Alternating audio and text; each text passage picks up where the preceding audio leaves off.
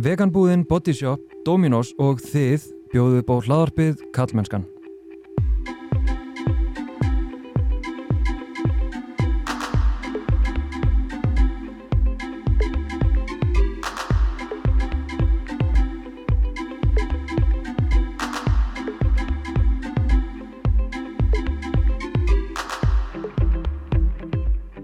Ef þér mun líka við þetta hlaðvarp þá hviti ég til þess að reyta það á Spotify eða podcast appinu og svo er alltaf gaman að fá takk í stóri á Instagram eða vera að hlusta en ég heiti Þorstin Maffeinarsson og sé einnig um samfélagsmiðlinn Kallmennskan á Instagram og Facebook þar sem byrtast meðal annars tilvittnanir úr þessum þætti.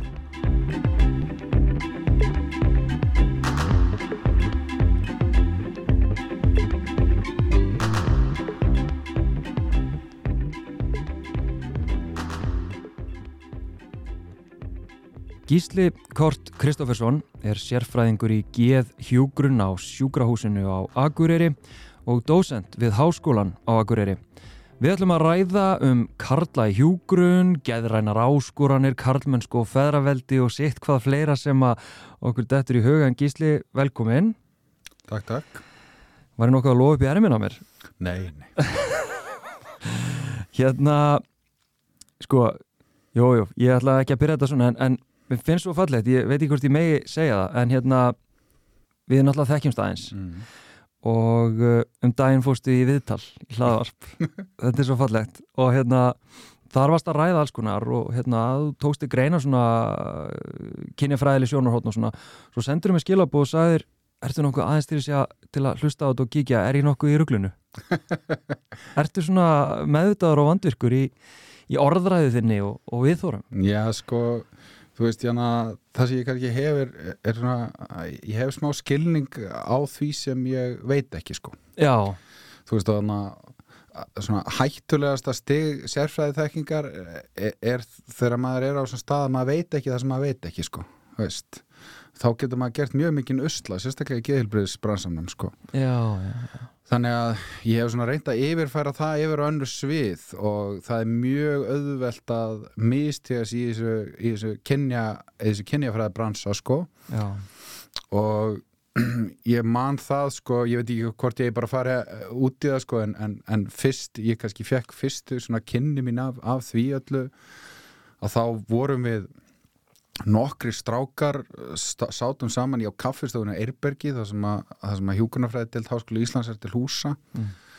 og frændi minn sem heitir Þóruður Kristinsson við erum sko bræðra sinir já, kennarinn í, Kvennó já, já, Já. En, engin annar að, að hann kom hann í heimsókn til minn eitthvað og, og fekk daldi svona áhuga á þessu, þessum skrýtnu köllum sem hérna voru í, í hjúkunarfræðinni og, og það veldur því að, að hann gerir meistararannsókn og þá fer ég svona um þetta og kallar hann að kynlega kvisti sem er frábært nafn mm. uh, og hérna og þá svona fer maður að, að, að kynnast því að, að hérna að það er svona auðvelt að ætla að vera rosa vók í þessu og uh, gera einhvern svona hryllilegan afleik sko. eins og, eins og hvað Já, ég meina, þú veist, eitt gott dæmi er til dæmis varðandi hjúgrun að, að það er mjög auðvelt að nota svona staðalmyndir kynjana til að reyna að gera eitthvað gott uh, til dæmis eins og að reyna að auka hlut kallmann í hjúgrun og þá allt í einu bara ertu komin í einhverja auglýsingaherferð það sem eru einhverjir ólíubortnir gaurar skilur mig að að hlaupa út brennandi húsum sko, þú Mm. veist og, og þá ert allt einu farin að nota þú ert farin að pissi skóin þinn sko, þú ert farin að nota staðalmyndi kynjana og þú ert að auka á vandan með því að reyna að taka á vandan sko. já, já, já, og, og það er alls konar svona pitfalls sem maður lendir í og þá fer maður og, og náttúrulega ég sendi þetta á þig að því ég var eitthvað að tjá mig um, um einhver, einhver, svona mál einhver staðar og, og þá svona hugsa ég bara að það er mjög gott. Ég er alveg nokkra aðalega sem ég er svona að reyna að fá svona speglun á að því að ég alveg eins og með þetta viðtal núna ég, ég veit að það er okkur hluti bara sem ég sé ekki alveg sko, þú veist. Og ég hef ykkur, ég ætla ekki að segja að ég hef auðmygt fyrir það því maður má náttúrulega ekki segja að maður hef auðmygt sjálfur. En ég hef kannski skilning á því að það sé það í þessum bransa að þá er margt sem er óvitað. Sem sagt, og óvitað ég veit það ekki. Það er hérna not known to me sko. ég, ég er óvitað fyrir mig. Mm. og það er náttúrulega viðbjóður auðvitað vill maður bara vera með alltaf alltaf hreinu, maður vill bara vera í einhverjum bransa sem er ekki einhver postmodernísk martröði hvert einasta skipti sem maður reynir eitthvað að tala um það og hugsa um það en, en hérna, en á sama tíma þá er ekkert miklu vaksta möguleikar í því að vera alltaf á örgum svæðum sko. Nei, nei og þú, hérna, einmitt, mér finnst það bara að vera virkilega, hérna, bara til fyrirmyndar og, hérna, og líka svo sem kannski það sem að, ég myndi halda að feministar almennt og kannski sérstaklega þau sem að er að reyna að hrefa við köllum eins og ég bara vildi óska að, að menn almennt uh, hegðu þessum þessum hætti sem að þú gerðir. Að bara tjekka, þú veist, viltu aðeins gefa mér hérna feedback, þú veist, ég er að vanda mig. Að því að það má rugglast, þú veist. Já, já. það bara, við verðum að fá rugglast en kannski vandamálið er að þeir sem að vilja aldrei taka tillit til þess að þeir gætu rugglast. Já, einmitt. Það er eins og að vandamál já, sem við erum að glíma við. Já, en hérna, fyrir maður þessi bara í þig. Hver, hver ertu og akkur, akkur ertu hérna? Já, sko, kannski er ástæðan fyrir því að við erum að tala einna saman er það að ég hef aldrei verið að vinna að svona rannsóknu sem tengjast því að reyna að auka hlutfall kallmanna í hjúgrun á Íslandi sem er vandræðilega langt á heimsvísu bara 2-3% eitthvað svoleiðis meðan í, í nágrannarlöndunum og, og við annars þar er það 10-12% og ofar sko og svo sem einhver ég og, og, og, og nú eru kannski einhverju hlustendur ósámála sko en ég bara sé engin vísindalega rauk fyrir akkur þetta er svona mér minnst öll raukin vera bara fél, alla skýringarna vera félagslegar Já. þannig að hérna þannig að þetta kannski byrjar á, á, á því að, að ég fer í, fer í hjúgrunafræði og ég fæ bara köllun og ég hef svona sagt frá því þetta er úkislega þetta er náttúrulega bara cheesy sko en þetta er satt Já, hvað er með það? Ég var uh, ég var að gangi gegnum tölur lífsbreytingar, ég var á ætla ekki verið að byrja á ég hef ekki verið á fyrsta árunum minn í, í háskólanum og ég var að hætta að drekka á þessum tíma og komin í svona öngstræti með það og, og hérna og var svona endur skoða ymsa hluti og ég fæ, ég er í ykkur ég er í ykkur um svona ég er, hvað er ég, bókmenta, ég er í ykkur um bókmentafræðikurs upp í háskóla og fæ ykkur með bara algjörlega ykkur með nóg sko. Og, og hérna og nú, nú meina ég þetta. Alls ekki illa gagvart neinu sem er í bókmyndafræði margir minna bestu vinnar eru bókmyndafræðingar ekkert af því. En hérna mér fannst ég ekki vera að gera neitt mér fannst ekki vera að gera neitt gagn í heiminum sko að vera þannig Hmm. það er bara tilfinning sem ég hafði. Enn og aftur, Þetta var ekki fyrir þig? Þetta var ekki frábært orðalag mitt, menn að passa sig hérna. Þetta var ekki fyrir mig. Og hérna að ég fer að finna á hjúkunheimili, ég hef bara verið á játsmega vestæðum og einhverju svona öðru stöffi sko og, og hérna áður og, og fer að vinna á hjúkunheimili og, og eftir svona viku að þá vissi ég bara ég vildi leggja þetta fyrir mig, mm. bara, það er bara þannig. Ég, var, og ég hef ekki ég hef raunin ekkert hort tilbaka síðan sko, þetta var 99 þannig að það eru 23 ár síðan. Og þú veist, ég bara veldi fyrir mér voru, hvernig, hva- hvað svona leiðistu inn í þetta? Og, og veist, var eitthvað sem ítti þér í það, var einhverja fyrirmyndir í einhverju niðinu? Já, sko, mamma var hjúkunarfræðingur, hún er, hún er láti núna, sko, og, og hérna uh, og það kannski spilaði einhverja röll í undir meðvutundinni Mm. en ég bara mér vantaði bara vinnu, ég ákvaði bara hætti háskólanum og, og reyna að gera eitthvað gagn í heiminum. Uh, og trúlega gildislega að segja þetta. En ég minna þannig, var, þannig hugsaði ég samt þarna á þessum tíma. Já. og, og ég ykkur megin sko ég enda bara þarna því að það var einhver umræðheld í samfélaginu að vantaði fólk til starfa og eitthvað svoleiðis og, og ég hugsaði bara að það var eitthvað auglýsing í mokkanum og ég bara kýldi á þetta. Þú veist, einhverju brýjar ég, miklu meira heldur en að það hefði verið eitthvað svakalegt intentionality í gangi sko. Já, já, og síðan bara fann ég það að ég, ég var bara góður í þessu. Ég fann það bara strax, ég gæti haldið haus í erfum aðstæðum og lykt og alls konar stöff fór ekkert í tauganur á mér. Ég var ekkert að fara eitthvað uh, að, hlaupa hlæjand út úr einhverju herbeggi af því að einhver hafði orðið fyrir einhver eða eitthvað svoleiðis, veist, ég bara ég, ég, ég skildi ég skildi mikilvægi þess að fólk þyrft að fá að halda reist sko, þú veist, í alls konar aðstæðum og það var bara eitthvað í þessu sem ég hugsaði bara, já, þetta er, þetta langar mig að gera. Ok, og þannig ertu að tala um hjúgrunafræðina Já, og hvað verður síðan til þess að þú ferði í, í geðhjógrunina? Sko, ég hafði verið, mér langaði alltaf að, að skoða en skeðhjúgrun ég hafði verið að vinna í krabbamishjúgrun í daldinn tíma sem er mjög svona þung og krefjandi og, og svona mikið náttúrulega fólk er mikið að deyja en á, en á deild, deildunum sem er að sinna þessu og, og hérna og þetta er svona þung og erfið hjúgrun og mér, mér, ég hafði alltaf haft áhuga á sko ég hafði alltaf haft áhuga á því að það er skinnjun okkar á raunveruleikanum sem ræður því hvernig okkur líður miklu meira heldur raunveruleikin sjálfur Mm. á þess að ég sé að gera lítið úr djöbla sírinu sem lífið býður okkur stundum upp á sko. Mm. að hérna að ég fann rosalega vel fyrir því og í þessum svona lífsbreytingum sem ég, ég þurfti að gangi gegnum sem, sem svona ungur maður þarna upp úr tvítu Mm. að þá fann ég bara þú veist, að þetta snýst allt um skinnjun sko. Mm. það hillaði mig, mér langaði að vita meira og skilja meira um það Mm. og síðan í rauninni frá, frá því að útskrifast úr hjúkurnafræði 2004 þá byrjaði þá um hausti að vinna í geðbransanum og ég hef bara verið að gera það, sí, gera það síðan sko. ég hef ekki í rauninni gert neitt annað en unnið eða lært eða kent eða gert einhvað í tengt geðbransanum sko. Ok, þannig að það, bara, það var svona mitt annað heimili eftir, eftir hjúkurnafræðina sko. mitt Ok, og hvað hérna þú veist, ert bæði sko, þú ert að kenna já. þú ert að rannsaka og þú ert líka að sinna meðferðastarfi já, þetta er hinn heilaga þrenning Já. það er the holy trifecta En er, er, er þetta alveg veist, Gerir fólk þetta alltaf saman tíma? já, já, þú veist, það er bara þú veist, en það verður náttúrulega einhvað að láta undan sko. Já, þú veist og, og maður bara sættir sér við það. Ég, ég veit ekki hvað ég á að fara þú, þú klippir bara út, ég er alltaf eitthvað að segja einhverja sögur já, sko. kóttu með þær.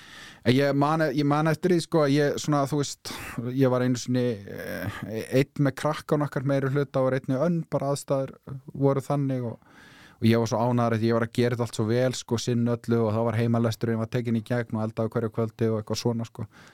Og var mjög ánæði með mig og sér ekkert ég var ég að ganga inn um bakdýra hörðina hjá okkur þar sem við byggum út í bandaríkjunum og, og bakarinn okkar leit út eins og byrjunaratri í Terminator 3 þú veist, það er bara po post-apokalyptik geðveiki sko. Ok, þú veist, það var bara eins og þriðja heimstyrjöldin hefði verið þarna, bara kveikt í random hlutum og allt í drastli og pollum og ógeði og, og þá hugsaði ég með þetta, something's gotta give sko, einhvað verður að láta undan jafnvel hjá okkur sem erum alltaf hreinu og náum alltaf tíu öllu og erum alltaf hérna, þú veist, erum alltaf með alltaf hreinu að þá hérna þá verður alltaf einhvað að láta undan þannig að jú, e, þegar maður reynir að gera allt trend þá verður einhvað að láta undan en þetta er samt þannig að, að hérna, það, er alveg, það, það er alveg ótrúlega mikil svona, þú veist, það er ótrúlega mikil luxus ég er í ótrúlega skemmtilegu jobbi sko. algjöru luxusjobbi sko. og ég gerir mig fulla grein fyrir því sko. og ég er bara að gera hluti sem ég áhuga á sko. sem, er, sem er ótrúlegt sko.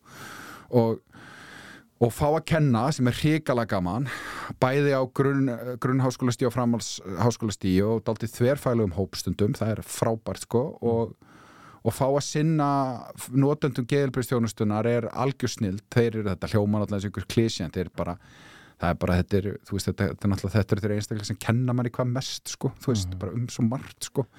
Og, og síðan að fá að gera rannsóknir og, og fá að svala forvitna hausnum á mér aðeins að það er algjör algjör luxus, en auðvitað sko er, er hætt við því að maður verður ekkert þú veist, maður verður pínur svona jack of all trades og master of none sko að einhverju leiti en, en vonandi ég er að vona samt að þetta skili meiri heldur en ég að tapa á því sko að þetta er svona eitt fít inn í annað sko, þú veist og, og ég veit að nematnir mínir eru mjög ánæður með það að ég sé að vinna í klínik til dæmis.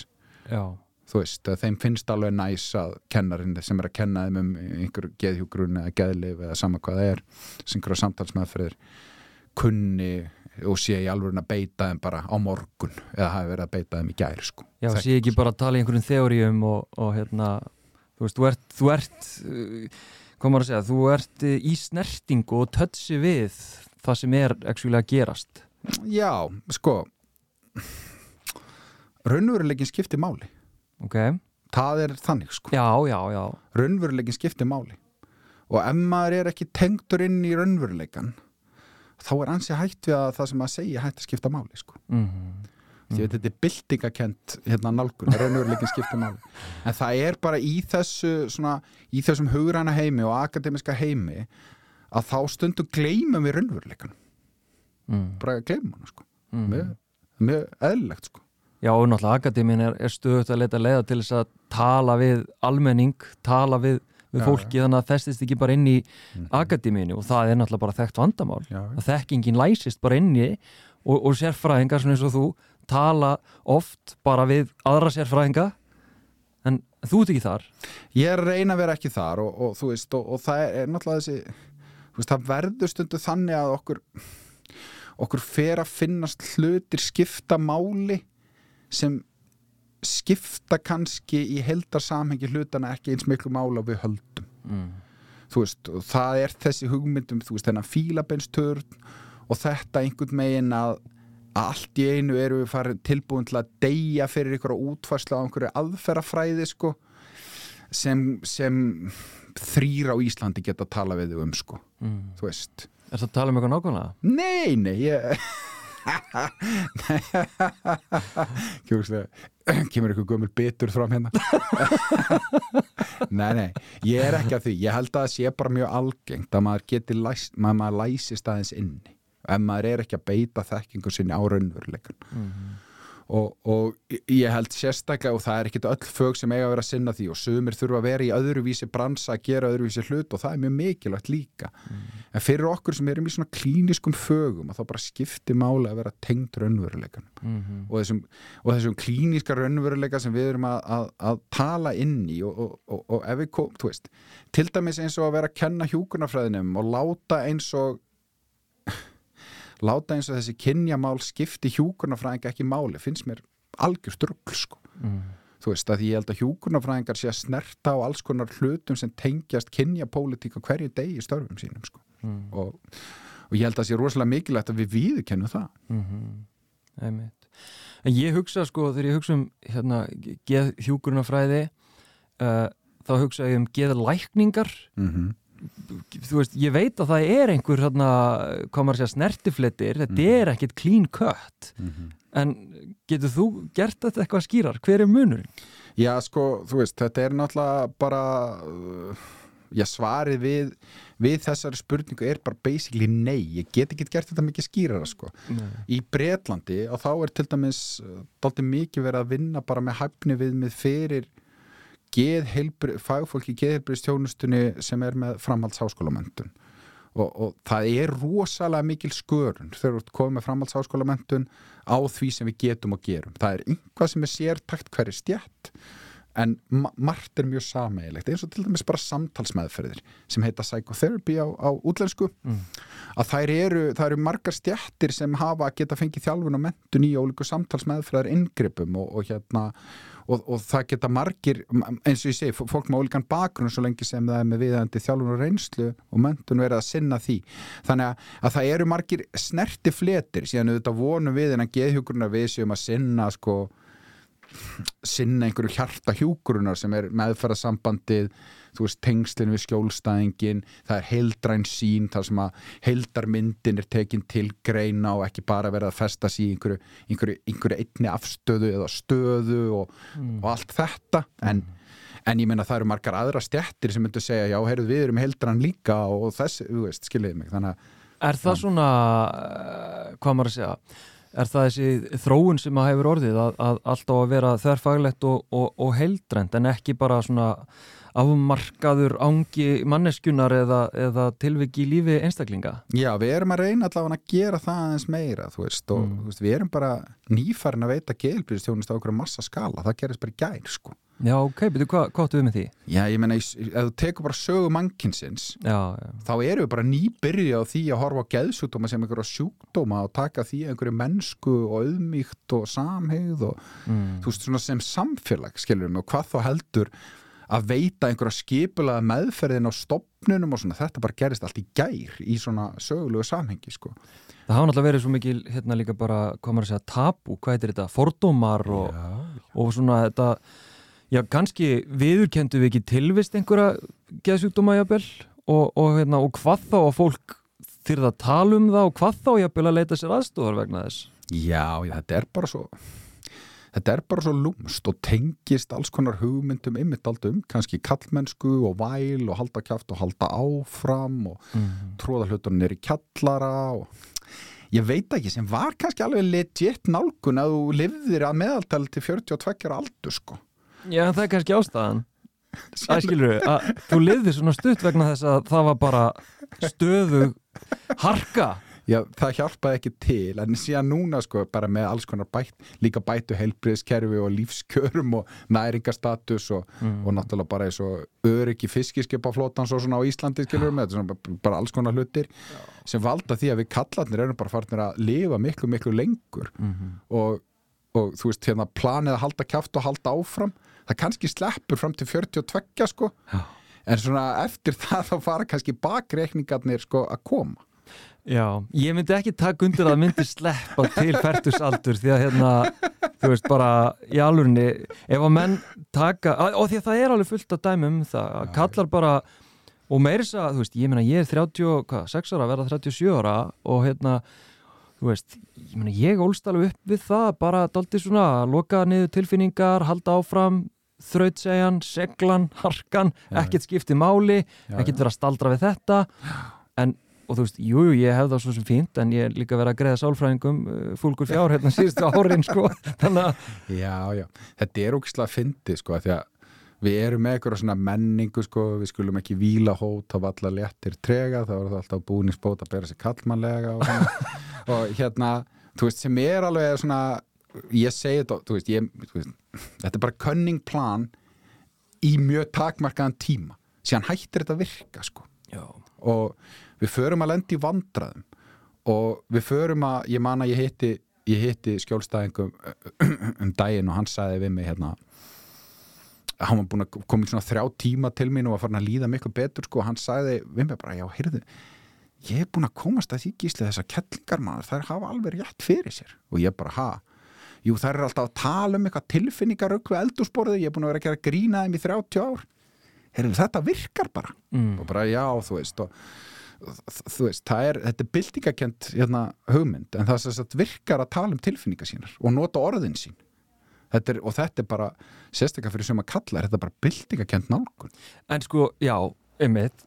Hérna, ég er einmitt, sko þegar þetta viðtal fer út, þá er í gangi átak sem að fjallar nákvæmlega um þetta, tilfinningar kalla markmið er svona normalisera tilfinningar kalla og hvetja á til þess að já, leifa sér að finna og, og, og, leifa öðrum að stiða sig og, og svo framvegi, sko, þannig að þetta rýmar, rýmar vel saman, en það er náttúrulega þannig að, að menn eða kallar sem að hafa jafnvel ef að sa, segja sko alist upp í ákveðinu uppeldisformi uh, sem að hafa bara þurft og jafnvel lært að hérna, hvað telst vera dygð og gott og eftirsóknarvert að, að þeir menn sem að þeir geta verið sko á títusaldri, fymtusaldri, sextusaldri þeir eru held ég, þú kannski getur aðeins útskista betur, þeir eru ekkert að fara allt í einu bara að tala um tilfinningar eins og ekkert sé. Nei, nei, og ég, ég, ég held að þetta náttúrulega snúist um það að það, það, er, það virkar ekkert fyrir alla nema vatn og súrefni þannig að við viljum ekkert vera með einhvern fasism heldur í þessu, skilur við, ég meina grátu, komdu hérna og grátu strákur eitthvað svona, sko, þú veist, ég meina þú veist, menn verður þetta bara að fá að finna sinn takt í þessu, en það er samt þannig að hérna það er búið að vera svona kannski stundum, stundum mjög svona algengt bjargráð. Er bara að halda kæfti, halda áfram tróða, mm -hmm. hlutunir í kjallara. Og ég er kannski bara með því sem ég var að segja á þann með þetta, þetta virki eitthvað framan að stundum erum við bara í aðstæðum og nú er ábygglengur í Úkrænu til dæmis í svona aðstæðum að það er bara ekkert mikið svigurum að tala um tilfinningar. Þú veist, þú ert bara að sinna ykkur verkefni og þá alveg við um kalla og konur Ah, já. skiljiði mig, þú veist. Að, að þú þarf bara eitthvað að klára eitthvað og, og hérna, en, en síðan er þetta þú veist, þetta að, að, að finna með tímanum, einhver tíma til þess að orða hlutina þannig að maður þurfi ekki að vera að sína fram á þetta í einhverju mótmælahauðun eða fílu eða einhverjum óertum skilabóðum heldur að maður getur bara að nota orðin sín hérna M- Mr. Rogers hann, ég las hérna æfisögu hans einhvern tíðan Hver, hver er það? Mr. Rogers var með svona þátt hérna í, í bandariska PBS-inu Mr. Rogers Neighborhood það er, hérna, það er til alveg hérna, frábær mynd með, með Tom Hanks Ah, sem, sem heitir eitthvað svoleiði sko. hann, hann gerði alls konar fyndna hluti, þetta var sérstökur gaur sko. og hann var langt á undan sinni samtíði mitt með þessa hluti og hann var að kenna krökkum um tilfinningar sko mm. og hann vann mikið með svona með rannsóknar miðstöð í Pittsburgh sem, var svona child development sko hérna center þar vann mikið með fræðafólki sko, til þess að koma hlutunum rétt frá sér það var einmitt maður sem vissi það sem hann vissi ekki sko. ah, og, og, hérna, og það kom bara vel út að hann, hann hafði þá auðmygt fyrir viðfanginu sko. ah, og eitt af því sem hann sagði mjög mikið var if it's mentionable it's manageable mm, þess að ef við getum talað um það þá er hægt að díla það sko. ef við finnum orðin sko, um hvað er að gerast að þá á einhverjum tímapunkti getur það staðið með okkur og orðið mjög hjálplegt sko. og hérna og ég hugsa oft um þetta þó þetta sé óttalegu frasi sko, þá er þetta alveg þetta er, þetta, þetta er rosalega satt if it's mentionable it's manageable þú veist, við getum talað um það við finnum orðin til að lýsa því sem er í gangi sko, veist að þá er það rosalega oft fyrsta skrefið í áttina einhvers konar lausn eða sátt eða allan að vita hvað í anskotunum við getum gert til að takast á við hlutin sko. sko ég er að velta þið fyrir mér hérna, menna til dæmis bara skjólstæðingar þínir Mm. mm. er þetta mestmægnis kallar eða? Já, mestmæri skallar, já, og, rétt og, og hvað uh, ég, veist, ég er að velta þið fyrir mér hvenar hvenar fer ég til þín þú veist, hvað hva, hvers konar skjólstæðingar er þetta? Hvaða menn er þetta? Já, það er bara mismunandi, það eru bara menn sem er að díla við, við alls, konar, alls konar hluti og hérna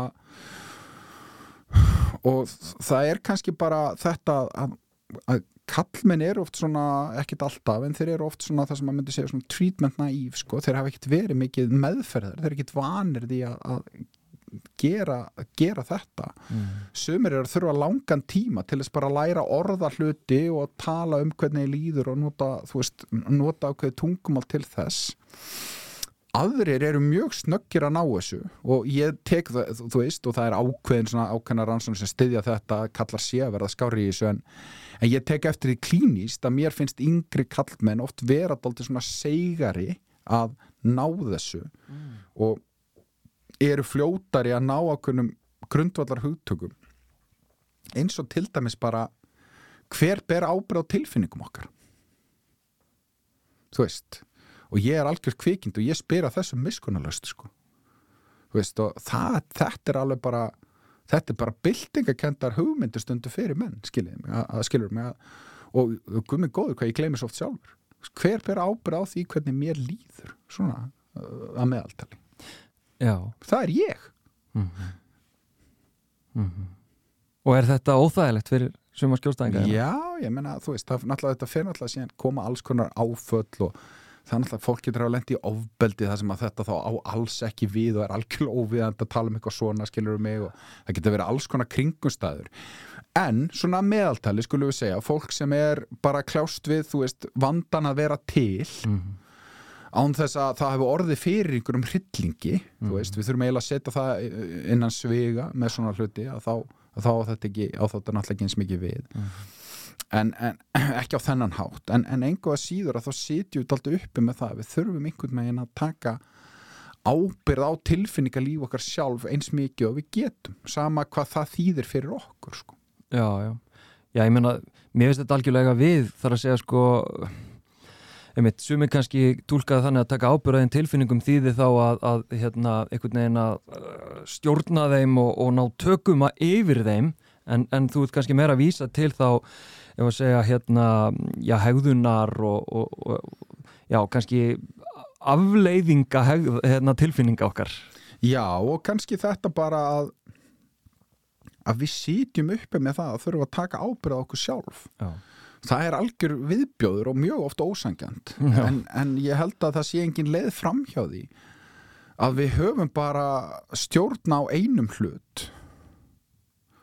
Og það er bara það er bara við. Við höfum bara stjórn okkur sjálfum. Við getum ráðið okkar viðbröðum og ef maður ætti að ef maður ætti að teikna upp á töflu sko essensið í samtalsmeðferðum oft sko, þú veist að þá snýst það eins og til dæmis bara þú veist, ákveðin kjarni í hugrætni atverðismeðferð uh, öðrum, öðrum samtalsmeðferðum sem byggja henni er rosa mikið bara, þú veist ég get ekki ábyrð á mér, ég get, breyt, ég get haft stjórn á mínum viðbröðum ég get ekki haft stjórn á öðru fólki, ég get sett í mörg en ég get ekki haft stjórn á því og buddist að þeir myndu segja að, að hérna þjáningin býr í því að reyna að hafa stjórn á öðru fólki sko. mm. þar á þjáningin heima sko. Mm. Bara ef aðri myndi haga sér aðeins betur öðruvísi. já, ég meina þú veist, og að reyna síðan að stjórnast og vera með kúpein í samskiptum og eitthvað svona að, að, sem ég er alveg frábær hugmynd fyrir utan það bara að það virkar ekki. Það er eini ókostunum við það að reyna að stjórna svona mikið öðrum. Það er það að það bara virkar ekki. Því miður vill fólk bara gera það sem það vill gera. Mm. ég, ég, það er svo oft sem ég lendi í því í viðtölum að, að fólk bara basic það segir það ekki alveg svona en það samt segir þetta við mig. Gísli, ég heyri gott að segja en ég ætla bara að gera það sem ég ætla að gera. Og ég hugsa bara já, það er nákvæmlega sama og ég geri. Ég meina, hvað akkur skildu skjólstæðinga mínir eða notendur kelpustjónast verið eitthvað öðru sem ég er með þetta? Já, já. Eh, já, en sko eh, þú veist, þegar ég fyrr og leita mér aðstöðar já, hjá sálfræðingi, ég var hjá sálfræðingi í morgun. Já, og ég hérna þú veist ég tek bara marka á, á því sem að sálfræðingurinn minn segir mér og, og, hérna, og hjálpa mér með og þú veist, ég fer ekki þaðan út og segi djöfull, veit hún ekki raskat? Þú veist, ég ætla að hunsa þetta. Af að akkur ætti ég að vera að sækja þjónustuna ef ég ætla síðan að hunsa hana? Já þetta er kannski ekki það að fólk hunsar. En fólk hins vegar sko við, já þetta er svona kannski þetta að, að hérna við við endum samt alltaf á því að taka okkar eigin ákvarðanir sko, þú veist. Já, já, og hérna og það sem fólk gerir að það þarf að samræmast þeirra gildakerfi og það þarf að Mm. samræmast þeirra svona, hérna, hvað það þólir bara svona yfir höfuð sko og, og hérna og það fer bara eftir rosalega mörgum þáttum nákvæmlega hvað það þýðir fyrir hvern einstakling sko já, já, já. en ertu með sko ég veit ekki hvort það er mig að spyrja um það ég menna Mm. fólk sem er til dæmis að glíma við bara mikið þunglindi eða þunglindsenginni Uh, jafnvel sjálfsvíks hugsanir uh, ég var að segja skadalegri hegðun eins og neslu og annað. Mm -hmm. Ertu með, með þannig fólk eða menn? Já, já, ég meina, þú veist, það er náttúrulega bara þú veist, maður náttúrulega bara sinnir ég sinni bæði á engastofu og, og síðan upp á sjúkrafis fólk bara með alls konar, alls konar vanda, sko. Já, og hvernig er, þú veist ok, sjálfsvíkshugsanir þú veist að reyna að komast upp úr uh, mikilli neyslu uh, þú vantalega sér, herðu, ok, það þarf að hérna, það þarf rótakar breytingar það þarf eitthvað að gerast hérna. Þú veist, hvernig bara þú getur ekki sagt þú getur ekki stjórna viðkomandi og fengið hann bara hérna í eitthvað. Æskilu ég bara velta hérna, hvernig færðu viðkomandi til þess að breyta hefðun sinni? Já, ég meina, þú veist, það bara þú veist, þannig svona almennt séð að þá, þú veist, ég er náttúrulega vann í bandaríkjanu líka í, í tölvöld mörg ár og, og hérna og það sem að ég kannski sá þar líka og byrjaði að læra mjög vel inn og þar er það bara, þú veist, að að fyrsta held ég skrefi til þess að verða gaglögur meðferðal er bara að hafa samhigð mm.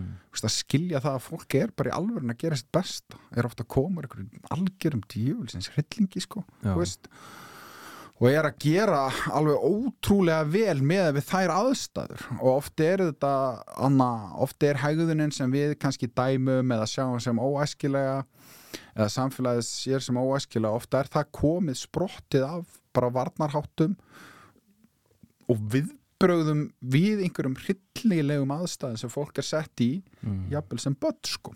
Já, og, og við erum náttúrulega að sjá það ef ég má til dæmis ta- taka sem dæmi þú veist að, að þetta er náttúrulega mjög ef við skoðum til dæmis tíðinni áfallastreitur öskunar í, í fangelsum að þá er hún bara margfald með við það sem er í normalþýðinu sko mm. ef við skoðum uh, tíðinni íllra meðferðar í æsku hjá þessum hóp þá er það margfald líka með við normalþýði þú veist, Mm. þetta er bara þú veist, ég, ég, ég held að að fyrsta skrefið, þú veist, til þess að, að og ég veit ekkert hvort ég sé hvað gaglögur er ekki, en uh, ég held að fyrsta skrefið sé að, að hafa samhigð og, og reyna kannski að nálgast e e einstaklinga frá því sjónarhóttni Mm.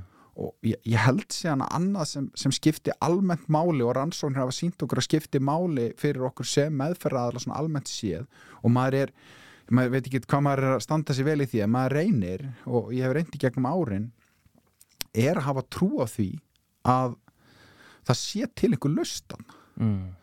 Þú veist, svona almennt séð að þá að þá að trúa því að að staðar, ég, ég sé oft fyrir mér hérna ég sé oft, hefur mannstu eftir hérna, nú er ég með alls konar svona dagur, dagur tilröðnænir hérna, mannstu eftir hérna Raiders of the Lost Ark, India, fyrstu Indiana Jones myndinni? Eh, Neip Ég fekk ekki sér það. Ekki hjálplegt. Allavega í lokin á þeirri mynd sko, að þá er sáttmálsörkin hún er tekin og sett í svona kassa sko, og síðan er hún sett í eitthvað vörhús og þetta er bara, það er síðan svona zoomað út sko og þetta vörhús er bara fullt greinilega einhverju drasli eins og sáttmálsörkinni sko mm. Bandaríkjastjórn á þetta einhver staðar í greiðumörk sko, Mm. og, og hérna og þetta svona kveikir í ímyndunaraflinu þetta sko þegar maður sér þetta en ég hugsa bara að lausnin við því sem við erum að díla við er einhver staðar í þessu vöruhúsi kannski er lausnin rámt flokkuð kannski er hún dottin á baku hilluna sko Mm. og kannski er hún í, ekki, ekki á staðnum sem hún, maður held að hún væri á og allt það en ég samt sko verði eiginlega dálítið að trúa því fyrir, fyrir skjólstæðingana mína eða notendurna sem ég er að vinna með að það sé til einhver, einhver, einhver sambland af einhverju sem geti virka fyrir þá til að ná svona sátt í, sátt í lífinu sko Mm. og, og hérna og, og, og finna það sem að, að þessir einstaklingar myndu skilgrana sem bata ekki einhver sem ég myndi endilega gera veist, en það, ekki, það skiptir einhver máli hvernig ég myndi skilgrana það Nei, sko ég veit að hérna þú beitir, þú, þú er nefnt það sjálfur þú er talað um samtalsmeðferð, þú er talað um uh, ham sem er vantilega blandað þessu báðu og fræðslu og eitthvað og, og beit, breyta aðtöld en, en beitur þú hérna eitthvað EMDR líka? Já, eða sko ég er svona, svona ég er búin að fá, fá þjálfunni því þannig að ég nota stundur svona grundvaldaratriði í því og, og hérna og er svona spenntur að, að útvika með þar, maður er alltaf að, að læra meira. Ég er alls ekki sérfræðingur þar, heldur bara svona algjör byrjandi, sko. Að hérna en, uh, en það sem að kannski það sem að kannski sko skiptir máli og ég veit ekki hvort þú ert að koma inn á þú veist, er, er þú veist fyrir, fyrir utan sértæku inngrippin sem við beitum, að þá held ég bara almennt séð að þá eru meðvitundin um það að vera svona áfalla meðvituð eða áfalla miðuð er alltaf að koma meir og meir í ljós. Og alveg eins og núna að, að þá þú veist, viljum við að við erum að tala um minnast á eitthvað sem er viðkvæmt og þá viljum við kannski vara við í byrjunum á þættunum, mm. gaman að þetta klippa það inn eftir á, þú veist við viljum segja frá því að við erum að fara að minnast á eitthvað sem gæti hreift við, við erum reynum að vera meðvituð um það í meðferðavinnu og, og allt það, þannig að, að fyrir utan sértæk yngripp að þá held ég að sé líka rosalega mikilvægt fyrir okkur sem störfum í geðbreyðstjónustunni á sama hvar og hvernig að við séum svona meðvituð um það mikilvægi þess að, að, að vita af og taka tillit til þess sem fólk hefur gengið í gegnum Veit, sko ég upplifi stundum eins og hérna ég var að segja þeir sálfræðingar eh, sem eru rosalega eh, vísindamiðuð og hammiðuð. Eh, það er mín upplifun. Sorry að ég er að stuða ykkur núna Mhm. sko að, að það taki kannski ekki að þeir, þeir sálfræðingar taki ekki endilega tillit til þess að við erum manneskjur, ofbóðslega flóknar mannverur þar sem að svona köld praktísk nálgun er ekkit alltaf endilega rosalega gagleg. Já, ég Er ég að stuða þig kannski líka? Þú ert að, nei, þú ert alls ekki að stöða mig ég, ég held bara að, að þú, þú, ég held kannski að þú veist ekki ég held að kannski komi aðferðin ekkert við ég held að þetta sé miklu bara meira sko veldur er hver á heldur sko Mm. þú veist, ég held að, að ég held að óháð nálguninni sem fólk notar og, og það er bara tölvist mikið að rannsón sem sína fram á gaggsemi sko, hugræðana atfællismeðferðas og svona afleitra meðferða skulum við segja, við erum með, með bara gott evidens fyrir mörga því. Mm.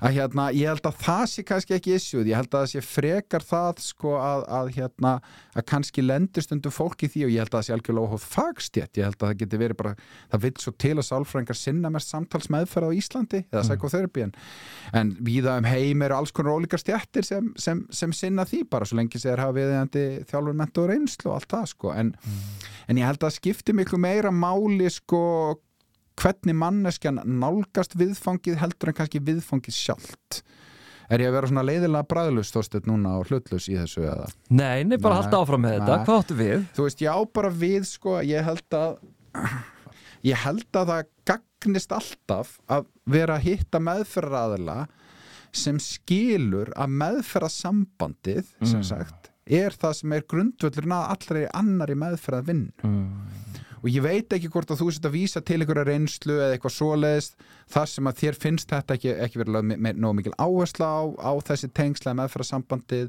og einhverja húmaníska nálgun. En, en það er það, það, það er fyrir mér kannski það sem að ég, ég sé svona mest að, að, að það er algjörlega óháð stjætt meðferðaræðila það er bara það er þetta að, að leggja áherslu á meðferðasambandið og skilja að áður en að svona gagva með trösti skilnaðu trúnaður að áður en að það kemur að þá verður mjög litlu áarkað í flestum tilfellum. Já, já, einmitt. Þetta meðfæra samband, einmitt. En hérna, minn okkur aðeins að hérna, ég, kannski skiptum gýr, ég veit það ekki en að því ég veit að þú rannsaka líka mikið uh, já, og beittir í rauninni fyrir fjölgun kalla í hjúgrun Já, uh, skiptir það einhverju máli? Já, ég meina að þetta er alltaf bara frábær spurning veist, og, og hérna, já, við höldum alltaf að skipti máli það er alls konar rauk fyrir því eitt af því sem er að koma alltaf upp núna til dæmis er bara svona hérna, svo ég sletti hérna, halda áfram að sletta er bara svona workforce issue sko það er bara að finna nógu mikið af fólki til að fara í hefðbundin kvennafög sko. Já, af því að núna allt í einu þú mega konur fara í hvað sem þær vilja svona samfélagslega svona að einhverju, reyndar er, svona nokkrar inngreinar und, undanskildar sko. Já svona á, ákveðnar uh, sínilegar og ósýnilegar hindranir. Algjörlega, einmitt en, en þegar ég segi mega þá er ég að gera svona air quotes hérna sko. Mm. en uh, en kallar í rauninni meiga einhvern megin ekki fari í hefðbundu kvennastetnir og hjúkunarfræði er mjög svona augljóst dæmi um það.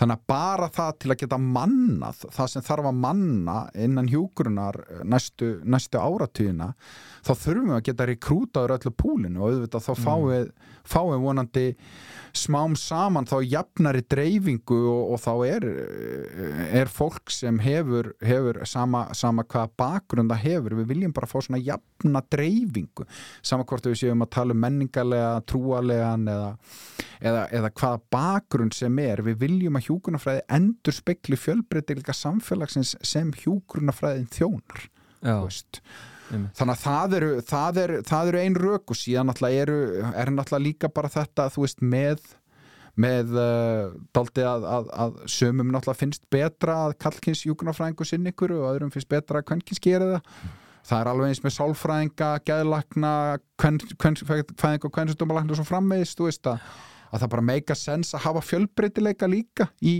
frambóðinu á, á fagfólki sko Einmitt, hvort telur þú, já, það má vera þín skoðun eða byggt á einhverjum rannsóknum, hérna, fólk eins og þú vill oft svona vísa í rannsóknir sér til hals og tröst, Einmitt. eh, hvort uh, telur þú að, að, að hindrunin fyrir kalla sé félagsleg eða, eða fjárhagsleg? Já, ég meina þetta er náttúrulega bara mjög svona eldtöld umræðefni það sem að, það er mjög mikilvægt að taka fram að það er náttúrulega algjört rugl hvernig sko hvernig það er augljós kynböndin launamunur hjá hjókunarfræðingum og náttúrulega bara út úr öllu korti ég, það, og það er einhvern veginn svo fyndið þú veist að sama hvað ríkjustjórn kemur og, og hérna að þá einhvern veginn er engin pólitísku vilji til að laga þetta þú veist og, og hérna allir segja já ég skil og þetta er bagalegt og, og síðan eru bara sett lög á kjara samninga hjúkurnarfræðika á morgun sko. Já, þannig að það er náttúrulega fyrsta sem er náttúrulega algjört uh, það næri engri átt með að við ábyrð og, og starfsvið hjúkurnarfræðinga starfsumhverju og svo framvegis að þá auglíðast ættu, ættu launin að vera herri en, en ég held að það sé nú ekki eina skýringin og það er dálítið þegar maður skoðar ansóknir að þá að þá er ótrúlega svona deprimerandi að fólki finnst til dæmis besta leiðin til að fjölga köllum í hjúgrun vera að auka, auka launin veist, þetta, er, þetta nú erum við komin sko bara ég veit, ég veit ekki eins og hvað ég á að byrja sko, vegna þess að vegna þess að Er ég að kveikja á þig núna? Nei, þetta er bara svo sorglegt að við séum búin að sætta okkur við það Mm. að kallar þurfi bara hærri laun Mm. þú veist að, að það, það er eitthvað þetta er svo ótrúlega deprimerandi að, að við svona, já, já, við ætlum að fá kall í stjættina þá þarf að hækka launin. Býtu, hvað hva, hva, hvar byrja maður á þessu? Mhm. sko, við hefum bara að hækka launin að það er rétt að hækka launin. Algjörlega óháðu ykkur svona hvort að kallar kom í stjættin eða ekki. Þú veist, það er bara, it's the right thing to do sko, þú veist, það er Mhm. ekki eitthvað Þú veist, fyrir mér tengjast þessi málefni ekki neitt sko. Þú veist, það var bara hækkalun hjúkunarfræðinga það en, síðan sko held ég en ég held að þetta sé síðan rosalega mikið náttúrulega félagslegt að þetta byggir allt bara þessi undirliggjandi fullirðing undirliggjandi staðan sem er tekin með þessari fullirðingu að þú veist, hærri laun því fleiri kalla. Hún þýðir að þetta sé allt félagslegt. Vitu? þú veist bara það, við lifum í samfélagi þar sem það er bara eitthvað norm að kallar séu augljóslega með hærri laun en konur. Já, já, já, og til þess að þeir færi ykkur á stjætt þá þarf að hækka launin skilur mig, að það sé bara eitthvað svona já, eðlilega, það sé eitthvað eðlilegt. mm.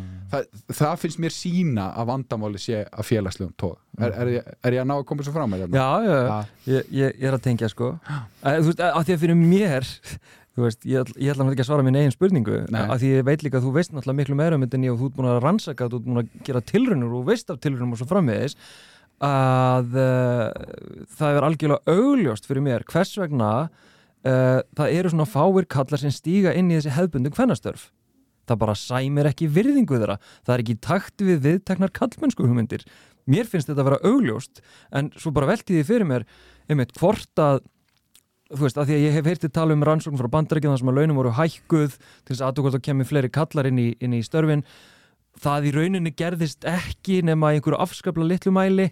Þannig ég er svona veltiði fyrir mér bara hafa verið gerða tilraunar hér á Íslandi til þess að auka eða fjölga köllum og hvaða tilraunir hafa það tekist og svo frammeðis Já, já, það er náttúrulega reynd að fara í einhverju auglýsinga einhver, einhverja herrferður og svo og, og það sem ég kannski var að segja með, með bandaríkin er kannski ekki beint tilraun en bara við vitum það að laun hjúkunarfræðinga eru, eru að hlutastlega herri sko þar.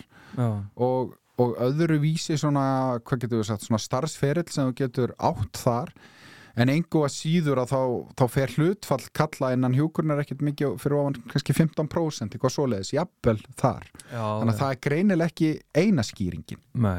Uh, síðan er þetta náttúrulega síðan er þetta náttúrulega bara spurning um það hvað kallar mega gera og hérna og þetta er náttúrulega líka spurning um þetta þú veist þegar maður er búin að vera að vinna í þessu skrifum þetta lesum, þetta að taka við töl og svo frammeðis þá fer að sækja af manni sá svona grunur að, að það sé mitt að ástæðan fyrir því að hjúkunarfræðingar er ekki á herri launum sé bara af því að það er kvennastjætt og það sem að konur sé að gera þeirra sérfæði þekking sé annarsflokks og mér finnst ég sjá dæmi um þetta oft í, í ofinberi umræðin svo til dæmis, ég veit ekki hvort þú manst þetta í lárumálinu sko, nei, það var Birgitta Haugdal gerði batnabók já, og notaði svona hérna, ákveðna staðalímyndir til þess að, að hérna, eða, eða tekníkarnar voru ákveðin hátt og svona hlutin voru setta fram ákveðin hátt sem,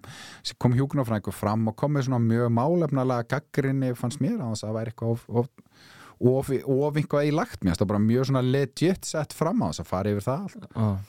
Og þá svona kom fram þá sá maður svona einhver, einhver, einhver, svona einhver essence til dæmis koma fram á samfélagsmiðlum þó það sé nú ekki nákvæmt data.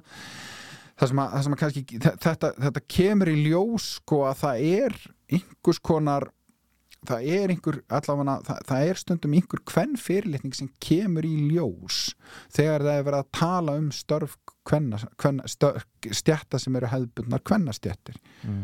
og en, en, en á sama tíma að þá að þá sko finnst, finnst fólki oft lítur oft og er, er sko virðir hjúkunarfræðinga mjög mikið Mm. það bara það bara vill ekki endilega hlusta á það að borga þeim laun sko nei, og, og það kannski er þetta sko það er þetta fyrirbæri, ég man að ég var okkur fundi ykkur tíman og, og var að tala um þetta og þá var einhver, einhver, einhver kona þar sem var svo reið sko og sagði býtu hvað hva er, hva, er fólk ekki til í að bera virðingu fyrir þessum englum?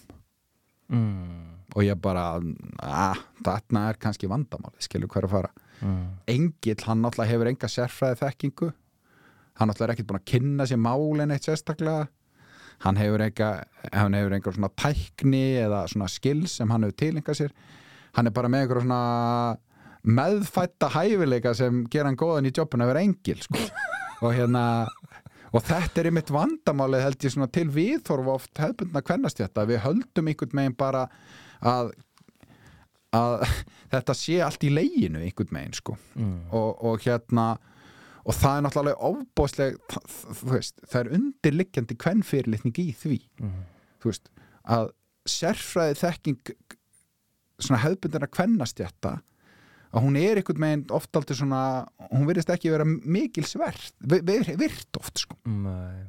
En sko aftur að því að það þekkist bara og ég þekki á einn skinni verandi kall í svona jafnbritsmálum sem að hefur náttúrulega verið það er aðra konur í, í þeim málaflokki og, og hérna við erum talað um það þú ert í málaflokki þar sem að kannski er, er fleiri, fleiri konur.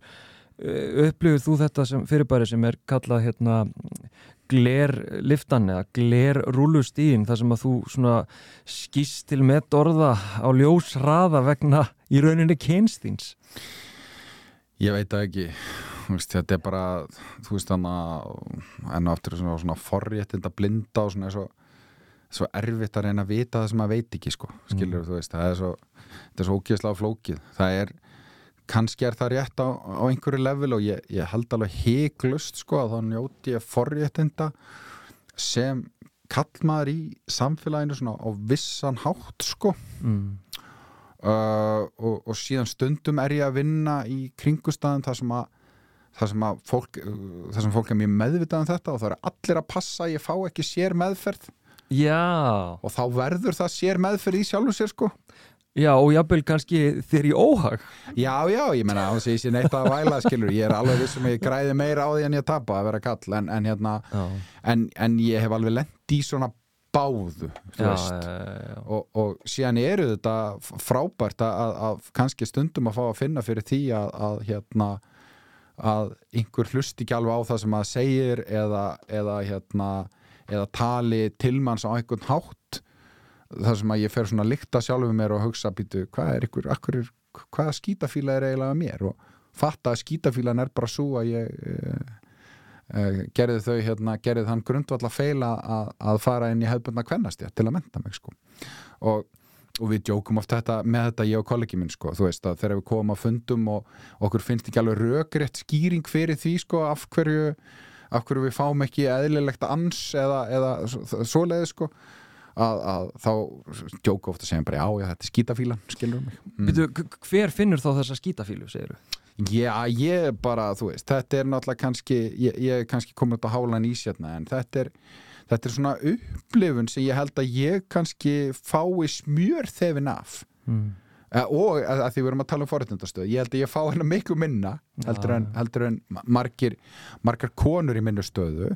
En ég held samt að, að það sé svona við séum oft með svona einhverjar undirliggjandi hugmyndir um sérfræði þekkingu sérstaklega hvenna stjætta og ég held að konur ná þetta.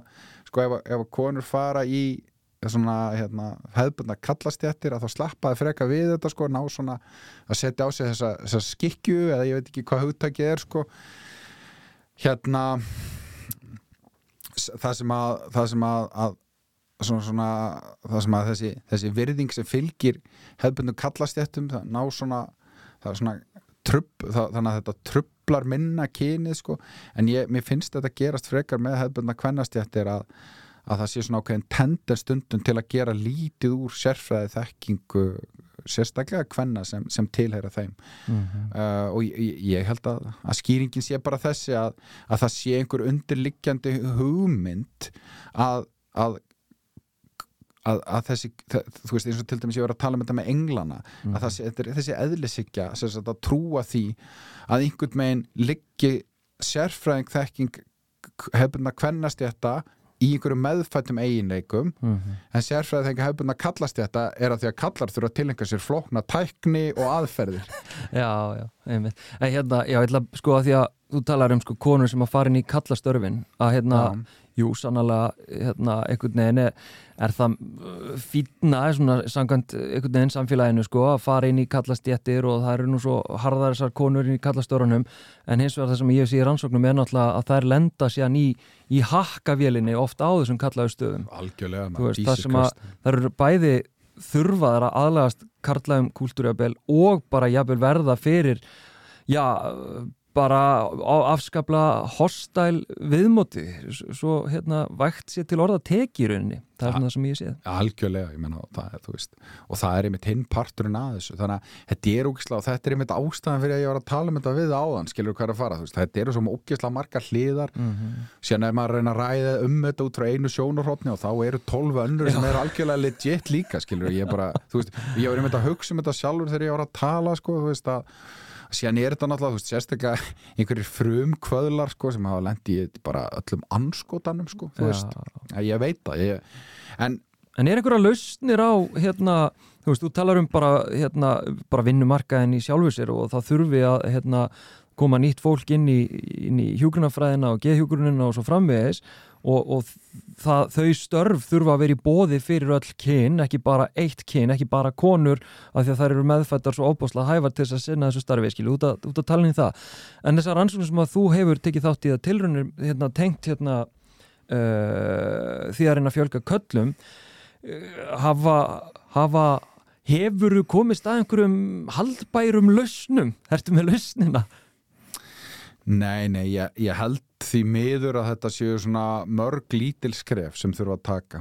Ég, ég held að hluta því sé til dæmis bara að reyna að vinna með viðþorfin uh, á grunnskólastíi og framhaldsskólastíi hjá strákum og við erum til dæmis núna, það er verkefni sem er leitt að landsbítalanum en sakið þess að sjúkrafs Akureyri er líka með og báður háskólanir, sem sagt Háskóla Íslands og Háskólan á Akureyri það sem er verið að kynna til dæmis hjúkurunafræðina fyrir strákum í tíundabökk ég held að það sé ein leið. Mm. ég held að samstarfið náms og starfsráðgjafa sé mjög hjálplegt líka og, og að, að, að hjálpa þeim að muna og sjá að, að kallar eða strákar geta alveg átt uh, sama erindi í hjúkurunafræði eins og stelpur. Og, og, og svo sem algjörlega óhátt bara kyni og, og öllu því sko.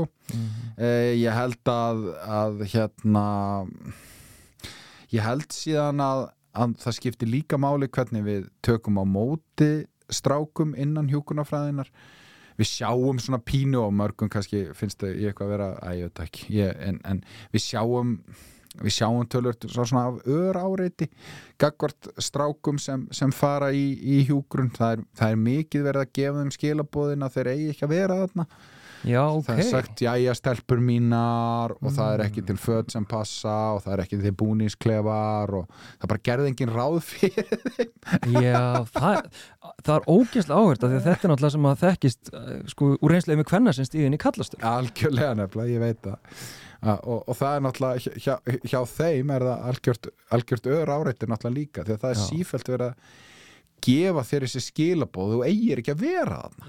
Hvað ert þú að gera hérna kallið minn? Þú ert í tómu rugli, við eigum ekki einu fötanda þér.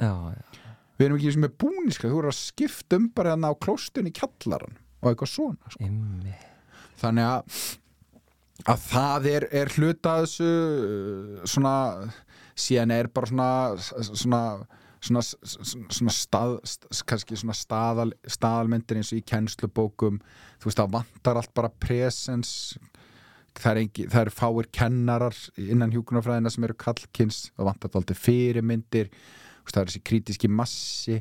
Það er líka bara my- myndir í námsbókum Mhm. er oft mjög kynjaðar.